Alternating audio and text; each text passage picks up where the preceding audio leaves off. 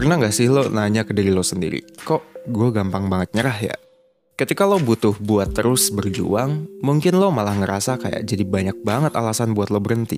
Lo mulai kepikiran apa semua perjuangan lo ini worth it, apa lo sebenarnya sanggup dan gila deh banyak banget jadinya alasannya. Tapi ya nggak apa-apa juga sih sebenarnya kalau nyerah. Nyerah itu biasa kok. Everybody does it. Tapi lo tahu juga nih bahwa lo butuh jadi pantang menyerah. Gua yakin lo juga nggak mau hidup lo ini biasa-biasa aja dan stuck di keadaan yang kayak sekarang aja. Gak mau kan? Nah, makanya di video ini lo akan belajar gimana caranya jadi orang yang pantang menyerah. Tonton aja sampai habis, akan seru banget dan berguna banget pastinya buat lo.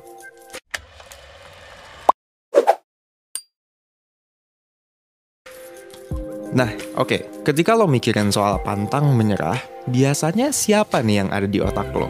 Oh, mungkin ya ada atlet favorit lo di sana misalnya, ada entrepreneur favorit lo, pengusaha favorit lo, atau mungkin kalau lo punya kebetulan saudara yang aktif di tentara, di militer, atau seorang kopasus, mungkin lo kepikiran sama dia.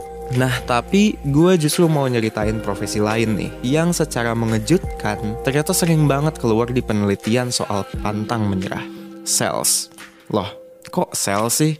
Nah, tapi coba lo pikir aja nih, gimana respon lo biasanya waktu lo ketemu sama sales? Waktu sales datang ke lo dan minta waktu lo sebentar nih misalnya, biasanya orang ngapain? Nolak gitu most of times. Dan mereka ini harus mengalami itu everyday. Sales harus mengalami itu everyday. Penolakan. Dan kadang-kadang nggak dengan cara yang baik juga. It's hard to be sales. Lo menghadapi banyak banget penolakan setiap harinya. Belum lagi kalau misalnya kerjaan lo ditarget. Wah gila, stresnya bukan main. Sales adalah kerjaan yang kalau menurut gue jujur aja nih, kejam. Bahkan sampai ada ungkapannya, people like to buy, but they hate to be sold. Dan tebak siapa yang tukang jualnya? That's right, sales. Dan ternyata nih sales berperforma terbaik, ternyata adalah mereka yang bisa terus bangkit dari penolakan bangkit dari kegagalan yang mereka alamin setiap harinya dan mereka terus-terus mencoba buat improving themselves. Mau gimana pun mereka ditolak. Hasilnya apa? Apa yang membuat mereka berperforma terbaik? Akhirnya dari situ mereka bisa mendatangkan keuntungan yang gede buat perusahaan. They close more deals significantly more than sales yang biasa-biasa aja atau sales yang buruk. Nah jadi nih, ketika kita ngomongin gimana caranya buat jadi orang yang pantang menyerah, kita harus ngeliat nih apa yang ngebuat seseorang bisa jadi seorang sales yang baik. Apa yang membuat mereka terus bisa maju. Pertanyaannya jadi apa nih yang dipunya sales yang pantang menyerah dan enggak dimiliki sama sales yang biasa aja. Tapi lo mungkin mikir kayak bukannya itu bisa jadi dari faktor lain ya? Bisa jadi dari communication skills, bisa jadi dari kemampuan mereka menjual. Enggak, Ternyata jawabannya sederhana dan gak banyak. Cuman satu hal bahkan, bukan kemampuan sosial, bukan koneksi ke perusahaan gede, dan bukan orang yang ekstrovert atau bukan. Satu hal itu adalah optimisme. Makanya lo kudu ngerti nih soal optimisme supaya lo bisa jadi pantang menyerah. Emangnya apa sih optimisme itu? Optimisme itu adalah perasaan bahwa lo bisa mengubah sesuatu. Perasaan bahwa lo bisa sukses, perasaan bahwa lo bisa move dari keadaan sekarang yang gini-gini aja.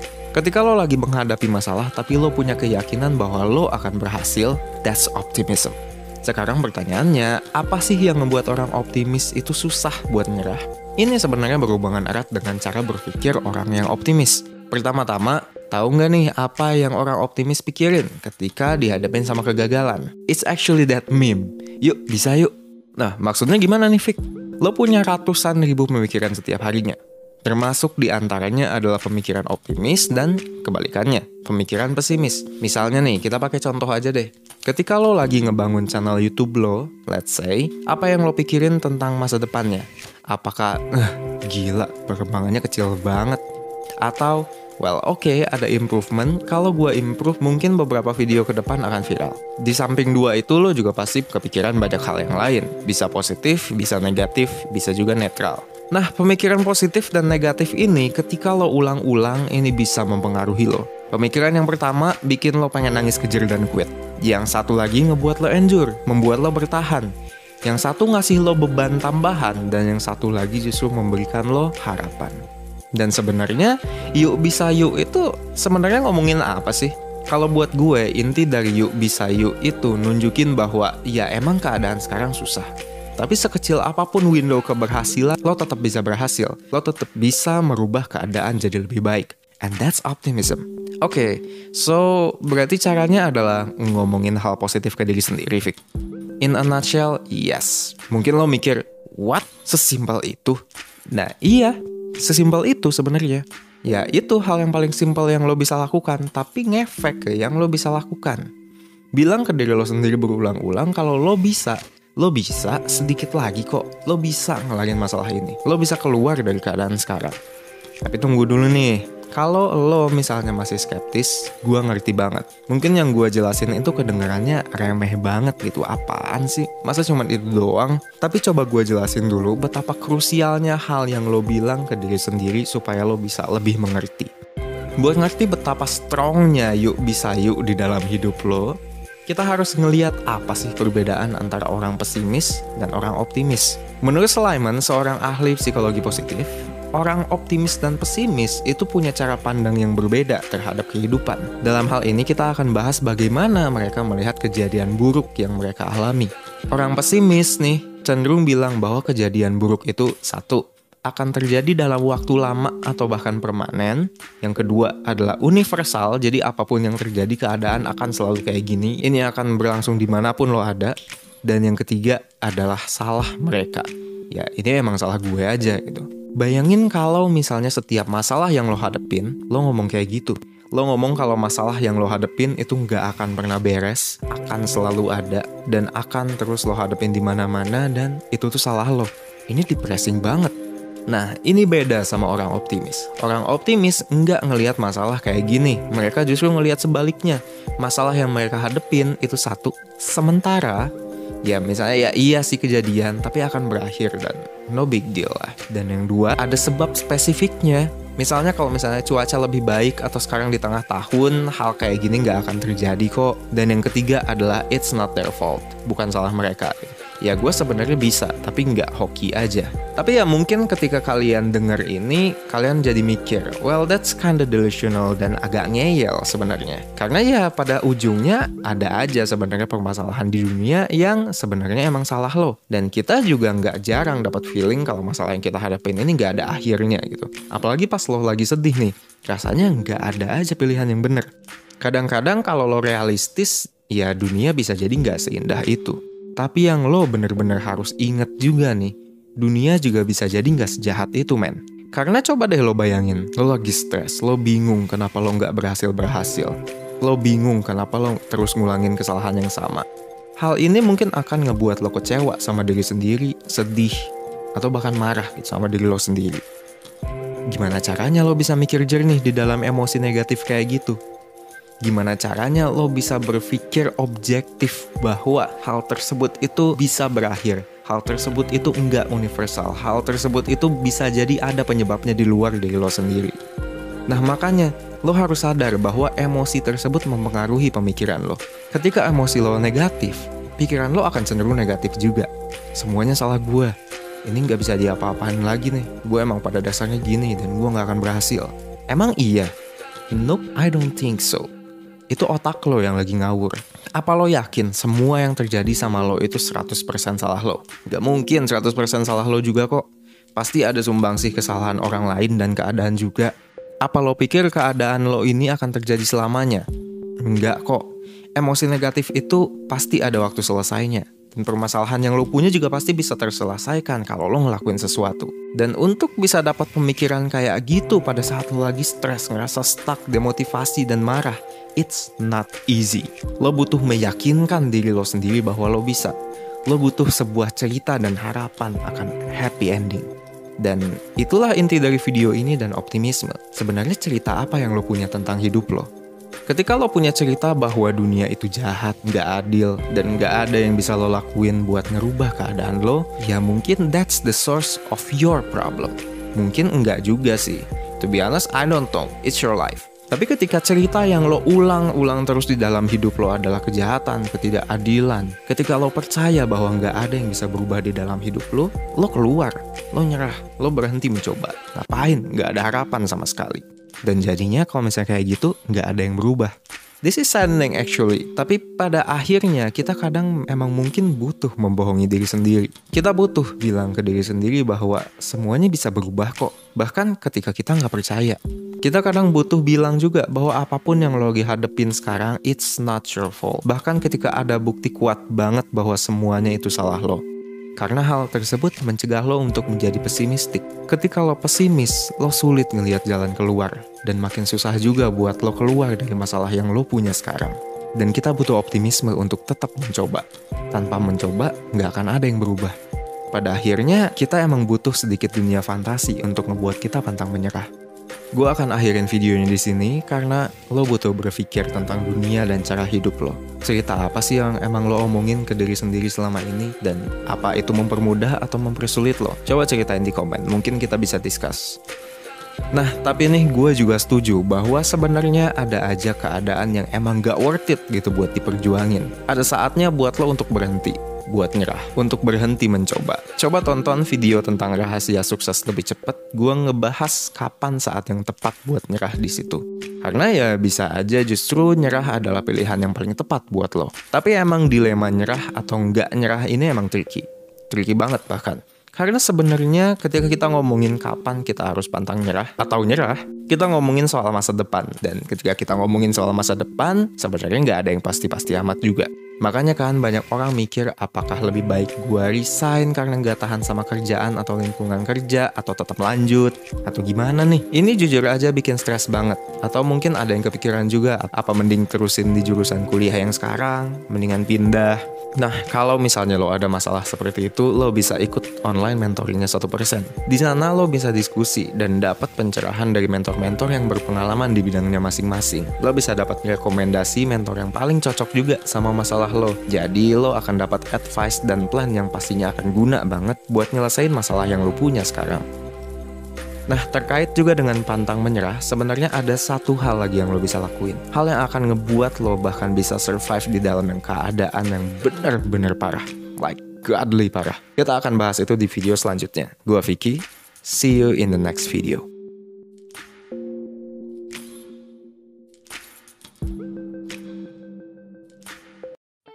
Udah bulan Desember nih, gimana kabar resolusi tahunan lo?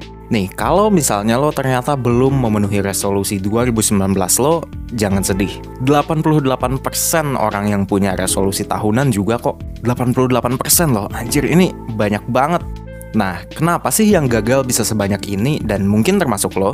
Mungkin kita semua bisa sepakat bahwa salah satu penyebabnya adalah lo nggak konsisten. Awalnya mungkin lo ngerasa termotivasi parah nih, mungkin abis nonton video Kaizen 1%, video motivasi di channel lain, atau mungkin masih ada semangat tahun baru nih di Januari kemarin. Tapi nggak tahu kenapa, beberapa jam kemudian akhirnya lo malah kembali jadi kaum rebahan. Dari sini tapi kita tahu nih bahwa menjaga konsistensi itu nggak gampang. Padahal banyak banget hal yang kita lakuin itu baru kelihatan hasilnya ketika kita konsisten. Contoh nih, kita berhasil nurunin berat badan nih misalnya kalau kita bisa konsisten makan secukupnya dan konsisten olahraga. Nilai di sekolah atau kuliah juga akan jadi lebih baik kalau misalnya lo konsisten belajar. Dan masih banyak lagi nih hal yang emang perlu konsistensi. Nah, oleh karena itu, di video kali ini lo akan tahu rahasianya. Gimana sih caranya biar lo bisa tetap konsisten ngikutin rencana yang lo udah tetepin. Tonton aja sampai habis, akan bermanfaat banget buat lo yang pengen konsisten ngembangin diri. Jangan lupa subscribe kalau misalnya lo ngerasa terbantu.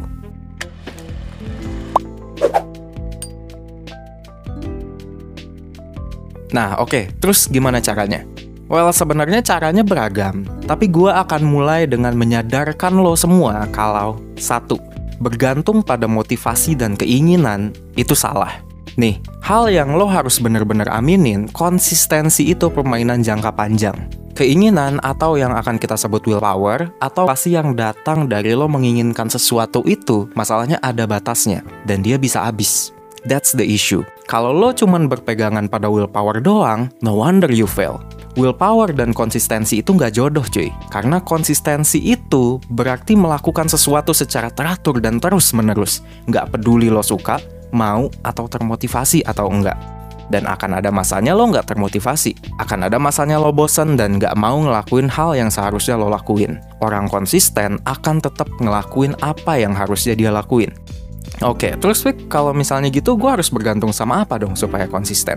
Kebiasaan. Kalau lo mau konsisten, lo jadiin hal tersebut kebiasaan ngelakuin kebiasaan itu nggak pakai willpower, yang berarti lo nggak harus bergantung sama itu. Bahkan 40% hal yang lo lakuin di keseharian lo itu datang dari kebiasaan cuy. Dan lo bisa ngelakuin itu tiap hari, bahkan tanpa mikir, tanpa tergantung sama motivasi, tanpa peduli lo suka atau enggak.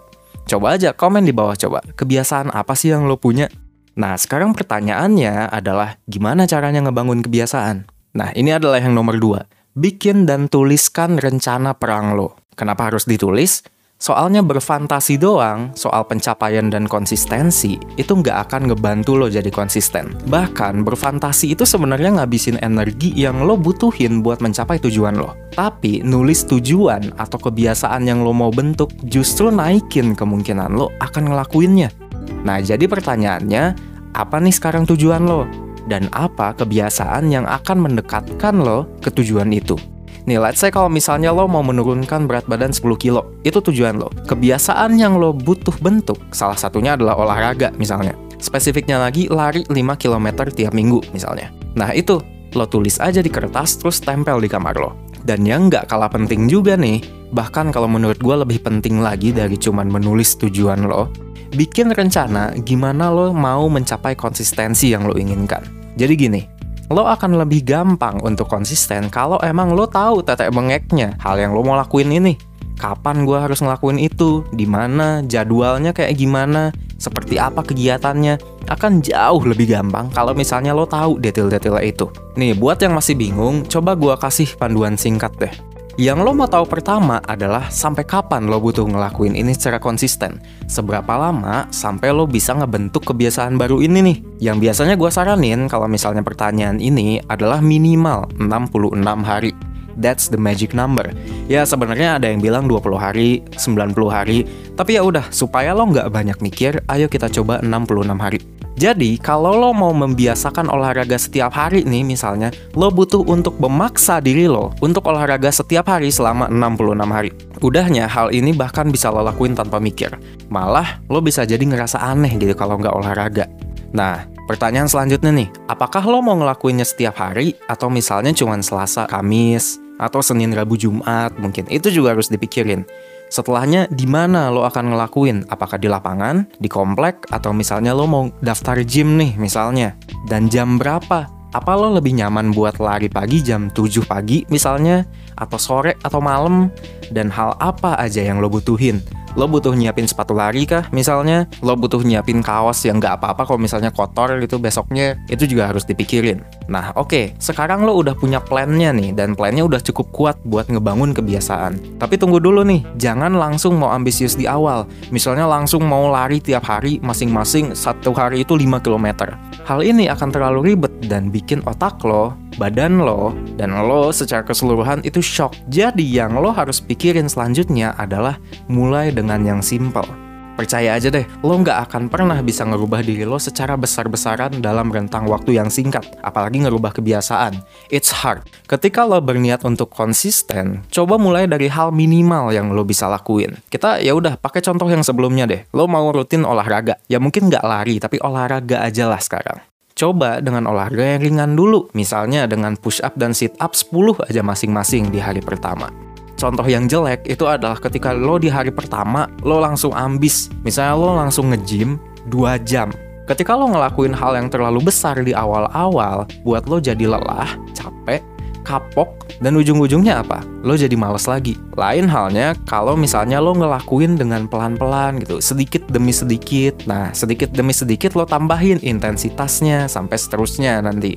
Hal tersebut akan jauh lebih efektif untuk mendorong lo supaya lebih konsisten. Misalnya nih, di minggu pertama mungkin lo mau lakuin dikit aja, ya udahlah 10 sit up, 10 push up cukup. Tapi pas minggu kedua, ketika lo udah ngerasa agak comfortable gitu ya, atau lo mungkin ngerasa bego karena push up 10 itu ternyata nggak berasa apa-apa buat lo misalnya, lo bisa mulai ramp up the frequency atau durasinya lo naikin. Jadi ntar masing-masing nggak 10 lagi, push up-nya 15 misalnya, sit up-nya 15. Minggu depannya lagi, tambahin lagi jadi 20 masing-masing.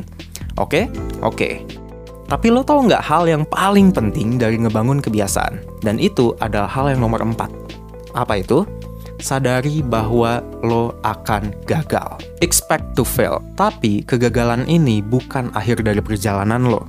Ya well been there lo ngerasa udah pede dengan konsistensi yang lo punya, udah lima hari nih, misalnya lo olahraga berturut-turut, weh, lo seneng misalnya. Tiba-tiba besoknya lo sibuk banget, nggak sempet olahraga, dan lo kecewa banget sama diri lo. Nah ini sering jadi masalah nih, lo gagal sekali, dan fokus lo buyar. Lo kesel, jadinya lo berhenti total, bener-bener berhenti ngebangun kebiasaan. Padahal, let's say you screw up. Kelewat nih satu hari. Perjalanan lo itu belum selesai padahal. Iya, itu sebuah kemunduran. Tapi apakah lo gagal karena satu hari kelewat? Enggak, men. Bahkan nih di studinya Richard Wiseman tentang orang-orang yang berhasil mencapai tujuan jangka panjang, mereka ini punya satu kesamaan.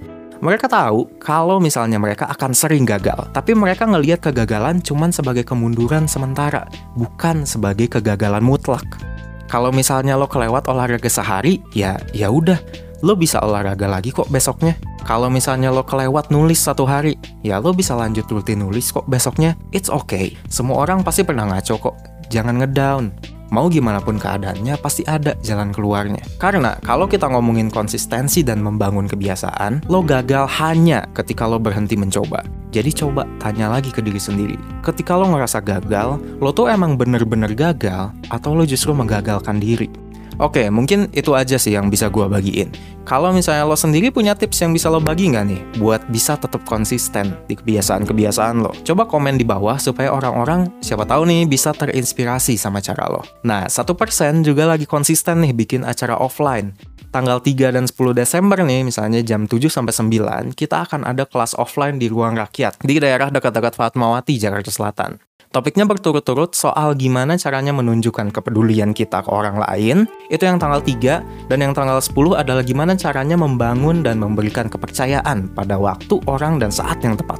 Nah, tanggal 14-nya jam 9 sampai jam 12 siang kita juga ada kerjasama dengan teman-teman mulai dulu aja project ngadain kelas soal penanggulangan stres di FISIP UI. Gue akan taruh perihal kelas-kelas ini di komen dan description box. Kalian bisa baca info selengkapnya di situ, bisa daftar juga lewat situ. Semua acara ini gratis untuk semua kalangan. Kita juga nerima donasi sebenarnya di beberapa acara. Tapi kalau buat gue sih, gue lebih mentingin kita bareng-bareng aja di satu acara dan kita diskusi soal topiknya. Donasi itu masalah nanti.